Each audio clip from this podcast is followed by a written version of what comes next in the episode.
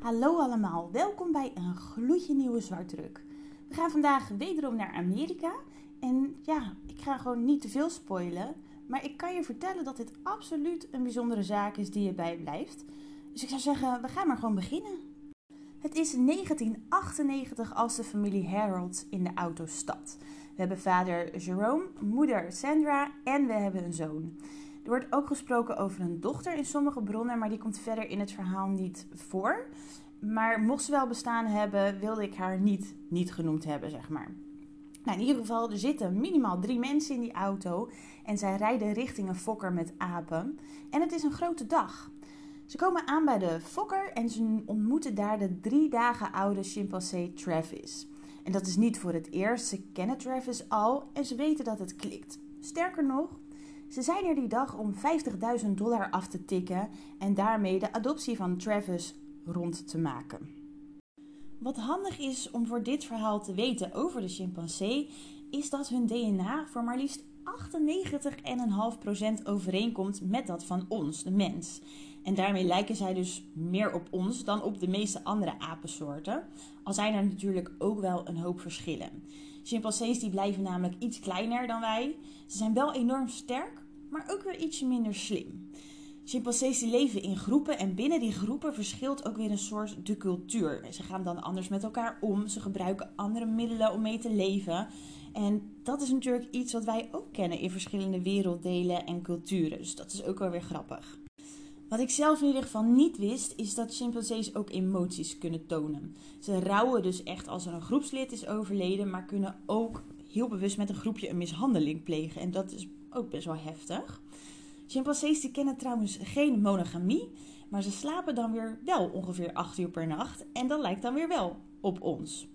Of net andersom, maak er wat moois van. Wat ook overeenkomt met wat mensen doen is opvoeden. Als een chimpansee jongen krijgt, dan worden deze voor maar liefst 7 jaar opgevoed door hun moedertje. Bij honden is het teefje vaak na de eerste weken hartstikke zat. Maar chimpansees die slapen en eten dus echt nog 7 jaar lang met hun kindertjes. Wat niet overeenkomt, maar waar ik wel groot voorstander van ben, is dat jonge chimpansees tot een bepaalde leeftijd een soort wit plukje haar boven hun bibsje hebben. En als dat plukje weg is, dan worden ze pas als volwassen gezien. En tot die tijd mogen ze eigenlijk een hele hoop uitspoken zonder daarvoor op hun kop te krijgen. En ja, hoe chill zou het zijn als je gewoon een wit kreppapiertje aan je riem plakt. Of gewoon een plukje haar uit de pruik van je oma knipt. En dan gewoon een dagje immuniteit krijgt om eens tegen je vervelende collega te vertellen wat je ervan vindt. Of je buurman. Nou, lijkt me eigenlijk best wel lekker een keer. Mochten er veel mensen zijn die dat ook vinden, laat me weten. Misschien kunnen we een politieke partij starten of zo. Nou, alle gekheid op een stokje. Even terug naar Travis. Travis die is dus geboren bij een fokker en is met drie dagen al weggehaald bij zijn moeder.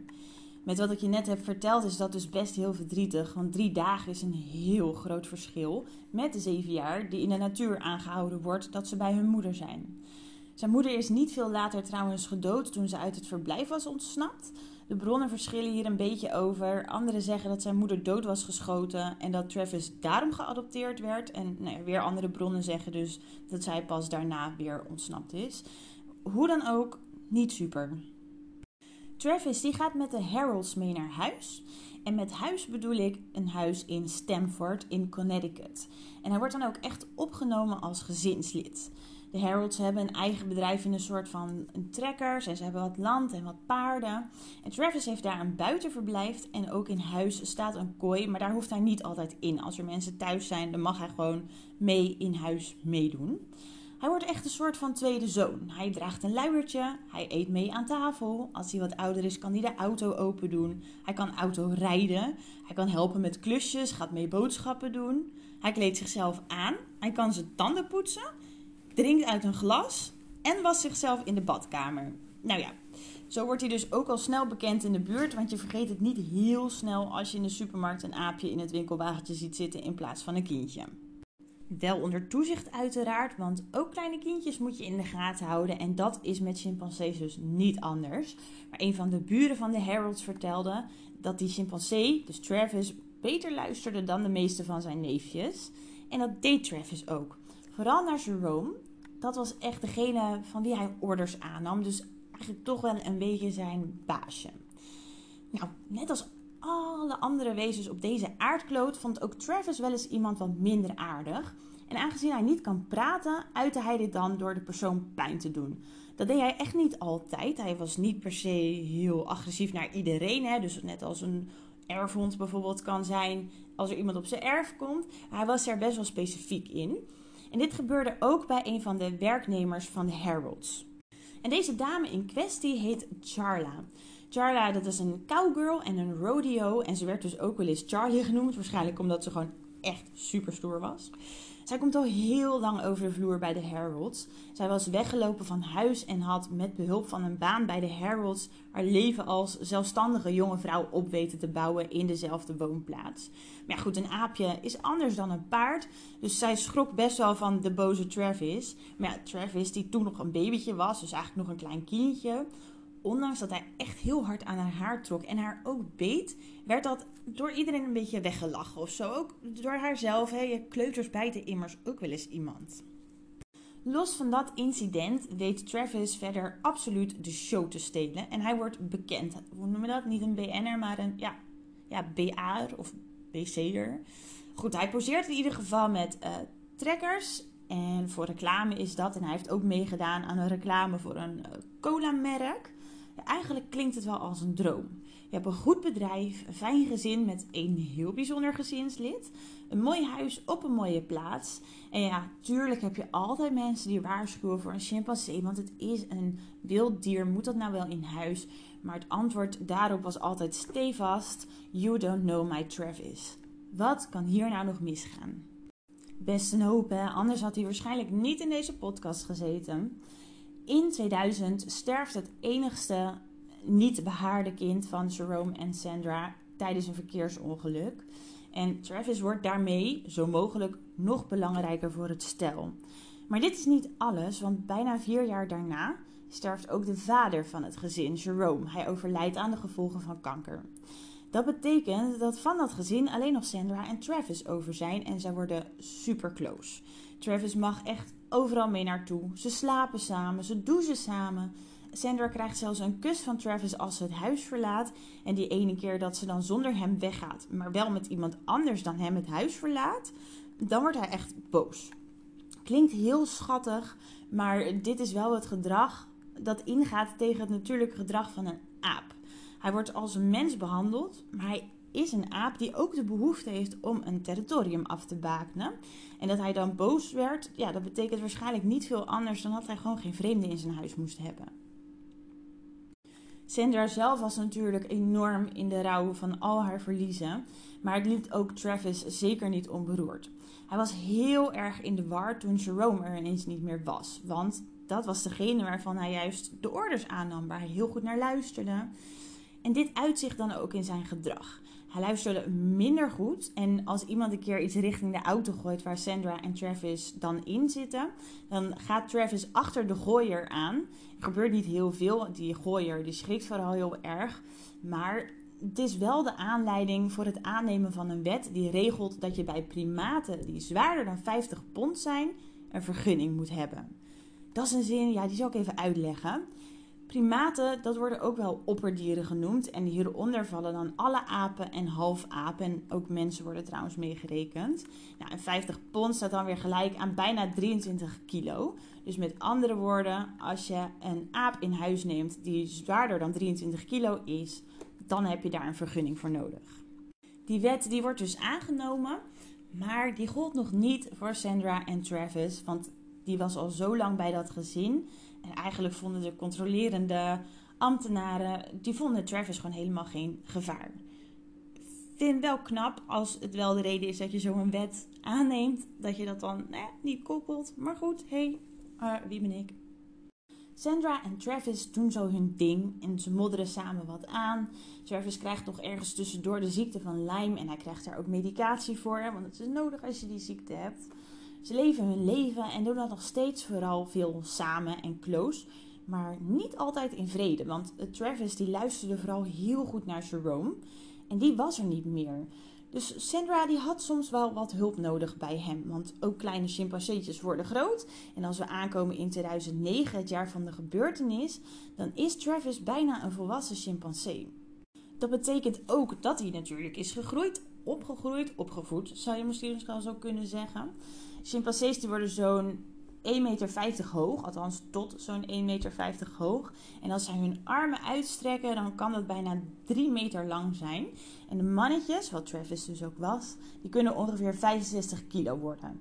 En één chimpansee die kan zo sterk zijn als 4 tot 7 mannen. Het is nu dus niet meer dat schattige beestje in de luier op een trekker aan de Pepsi, die je even onder je arm beetpakt en ergens anders neerzet in zo'n kooitje bijvoorbeeld. Het is een volwassen aap die zeer en zeer sterk is. Zoals we uit het voorgaande al een beetje kunnen opmaken, zat Travis niet echt lekker in zijn vel. En hij heeft ook dagen waarop hij gewoon ronduit zagrijnig is. Nog een overeenkomst met sommige mensen, zal geen namen noemen. En zo'n dag was het ook op 16 februari 2009. Travis heeft die dag een absoluut pesthumeur. En hij had zelfs al wat uh, Xanax gekregen van Sandra in de hoop dat het hem een beetje zou kalmeren. Was ook gewoon voorgeschreven door de dierenarts. Maar Travis die besluit er die dag vandoor te gaan met de autosleutels van Sandra. En Sandra krijgt hem niet naar binnen, ze krijgt de sleutels niet terug en ze besluit dat ze hulp nodig heeft. Ze belt dan met Charla, dat is de werknemster waar we het eerder over spraken. Die kennen ze dan al bijna 30 jaar. En natuurlijk om Charla helpen, want dat is wat haar 71-jarige baas haar vraagt. Even na drie uur s middags arriveert Charla in haar nieuwe auto. En ze had ook haar haar heel goed zitten, want ze had helemaal een beetje een nieuwe koep en een nieuwe look. Ehm, dus ze gooit haar lokken naar achter en ze begint Sandra te helpen.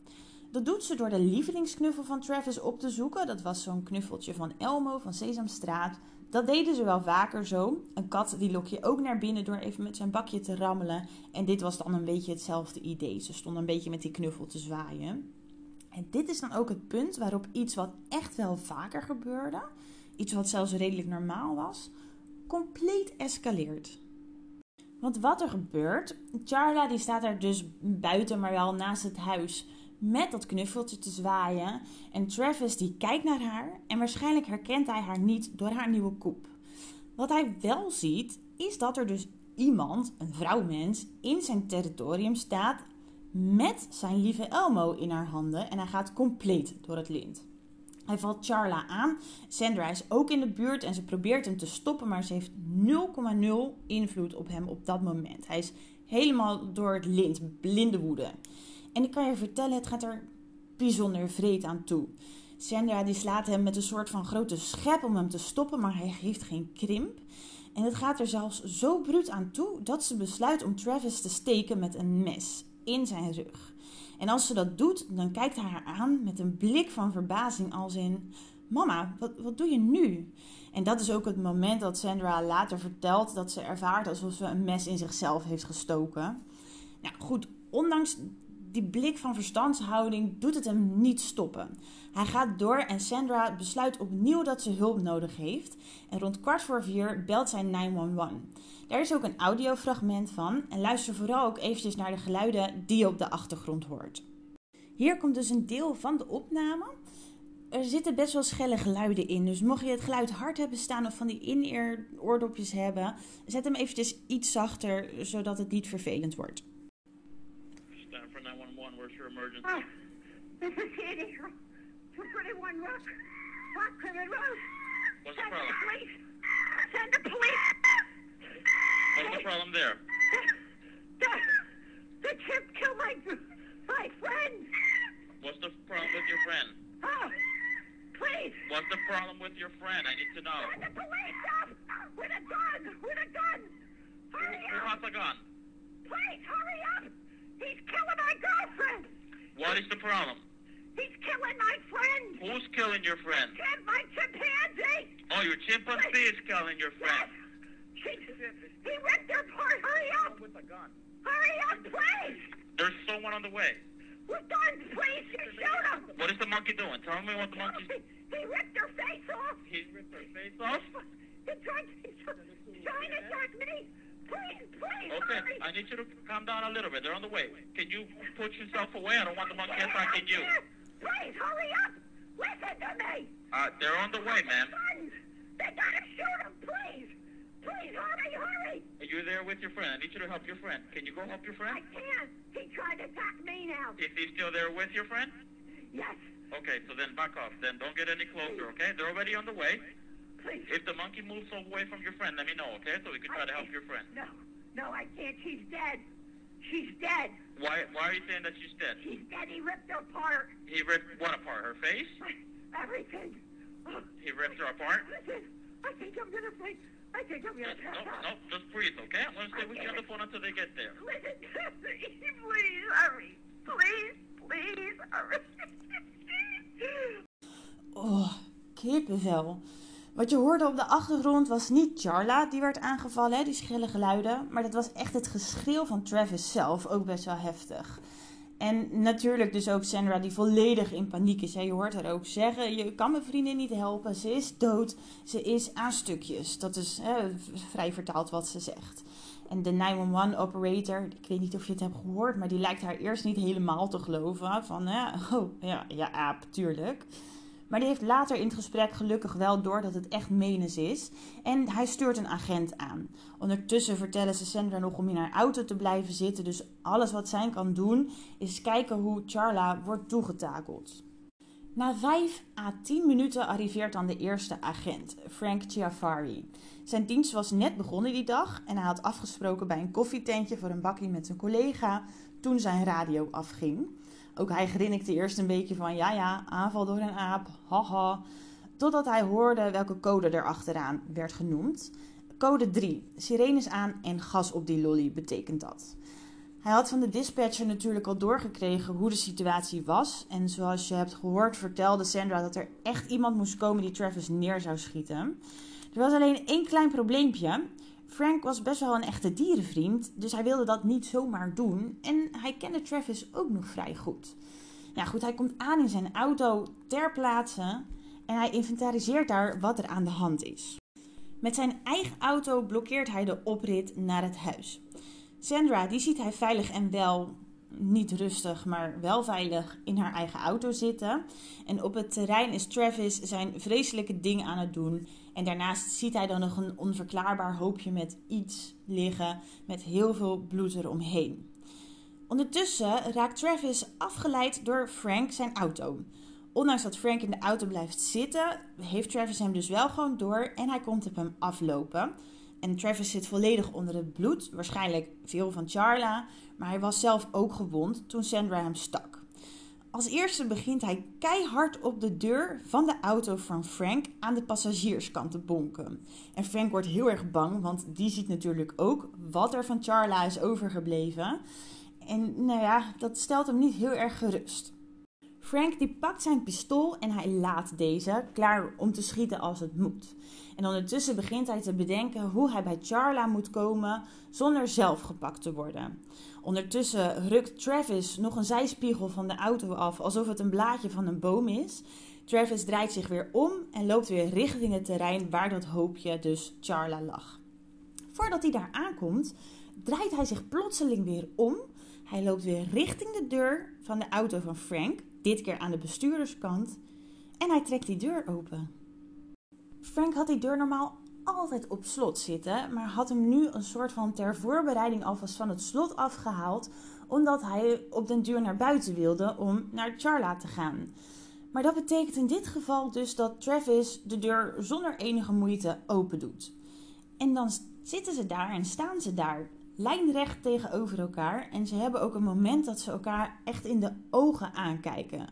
In een fractie van een seconde zijn ze allebei een beetje verbaasd. Travis omdat de deur zo makkelijk open ging.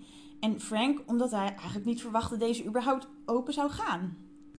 Travis lijkt Frank te herkennen en zoals Frank het later noemde is dat hij een, een soort blik had van ik weet wat je hier komt doen en doe maar wat je moet doen. Hij wachtte dan ook heel eventjes met opnieuw in beweging komen en een aanval in te zetten op Frank.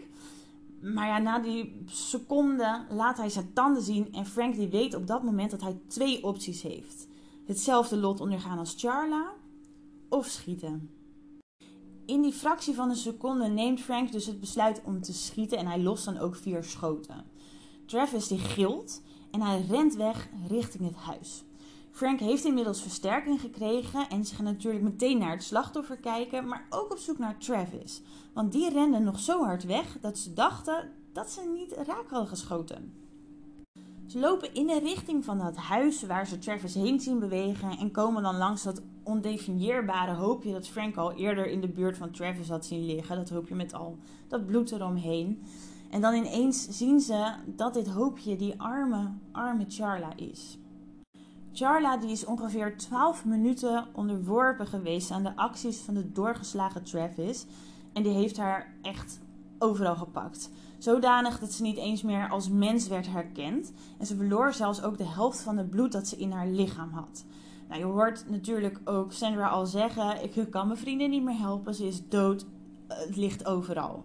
En inderdaad, overal lagen ook stukjes lichaam, vooral gezichtsdelen, handen, noem het maar op. En Frank die hoopte niet dat ze dood was, maar wel dat ze in ieder geval niet bij bewustzijn was, zodat ze de pijn niet zou voelen. Maar ja, eigenlijk dachten ze dat ze dood zou zijn.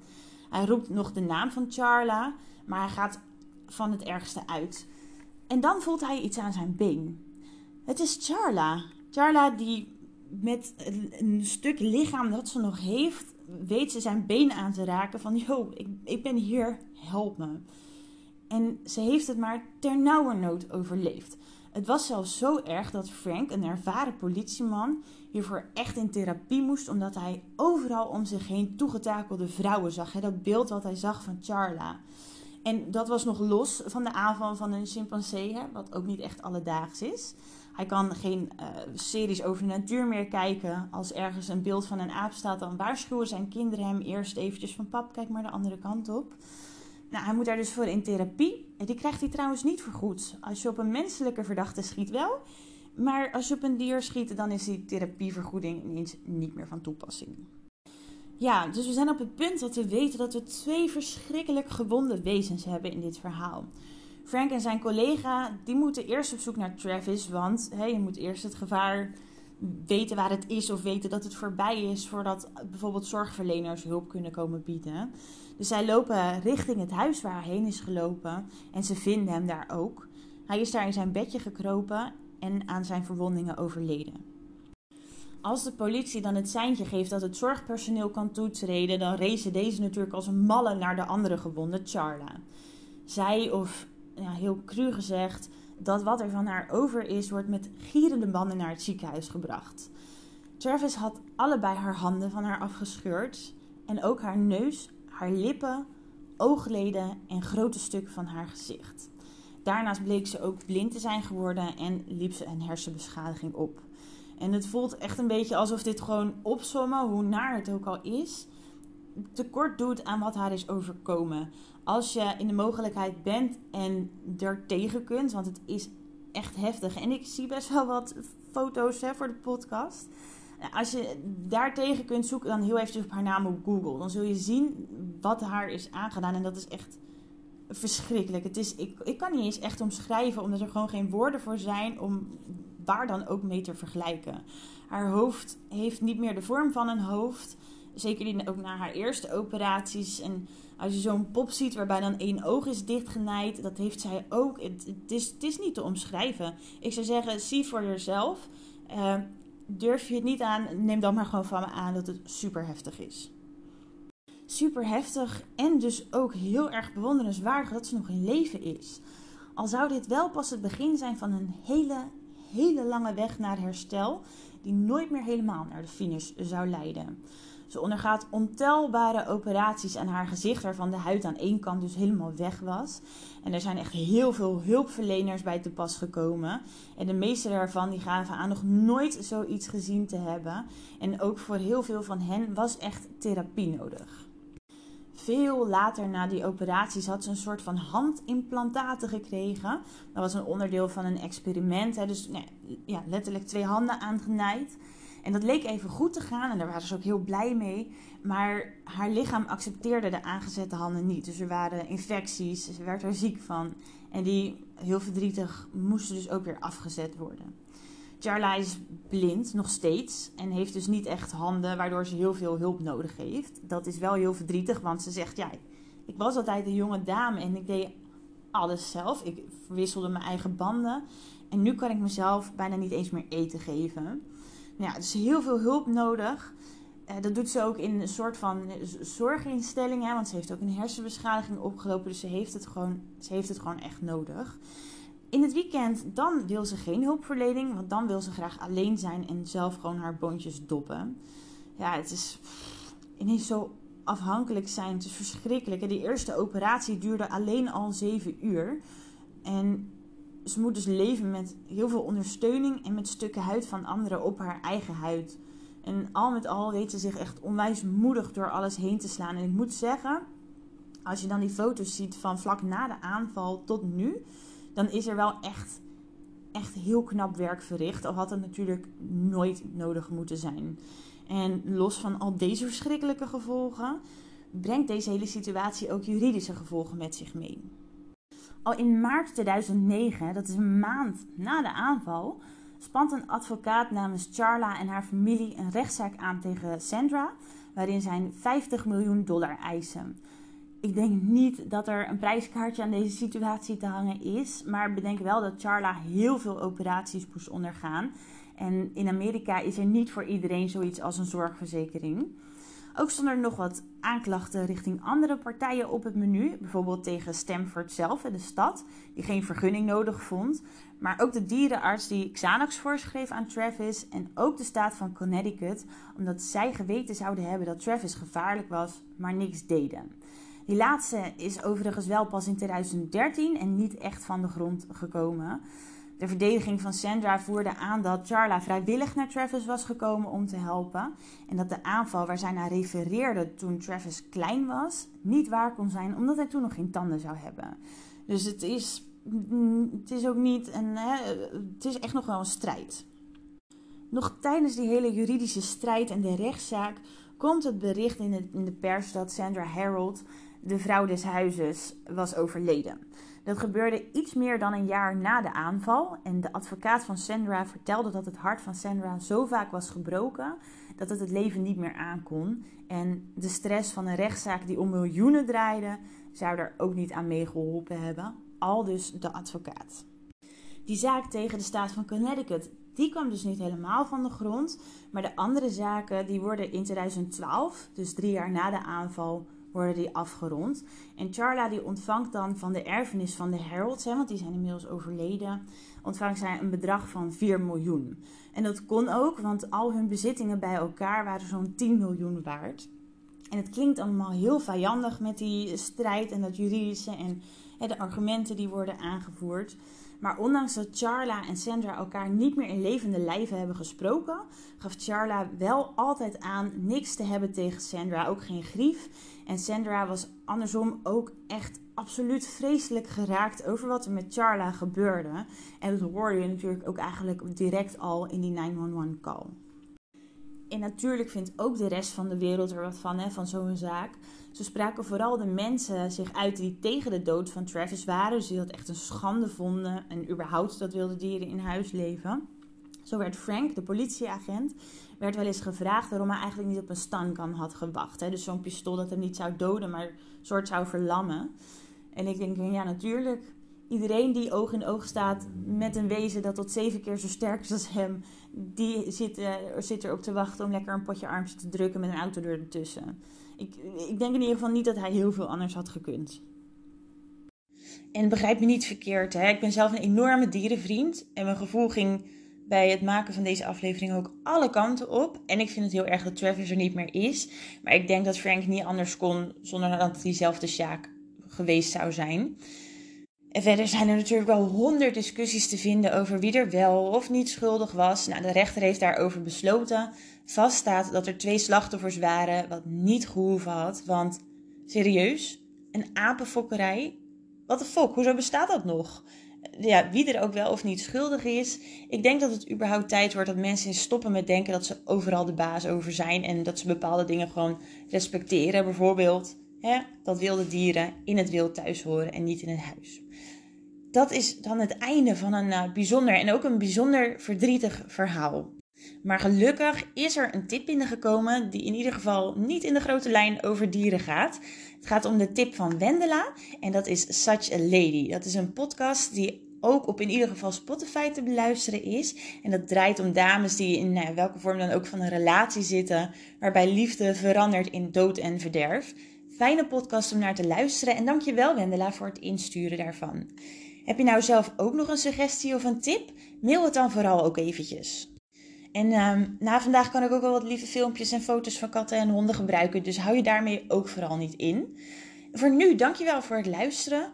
Tot snel en ehm, geniet van je dag hè. Doeg!